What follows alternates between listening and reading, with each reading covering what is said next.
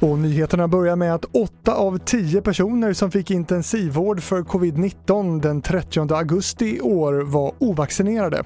Detta enligt statistik från Svenska intensivvårdsregistret som Expressen skriver om. En del av de ovaccinerade säger att de inte hade vaccinerat sig eftersom de är spruträdda eller oroliga för biverkningar.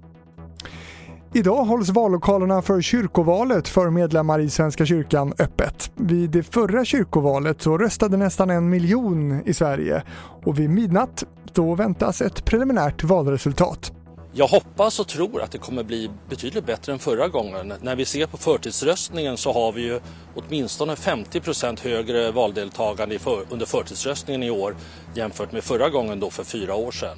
Det sa Jan Hermansson, ordförande valnämnden och kandidat för borgerligt alternativ.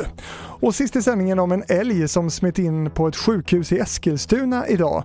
Älgen tog sig in via en fönsterruta. Ett större pådrag åkte till platsen för att ta hand om älgen. Se mer om när skogens konung smet in på ortopeden på tv4.se. Och fler nyheter hittar du i vår app TV4 Nyheterna. Jag heter Fredrik Rahlstrand.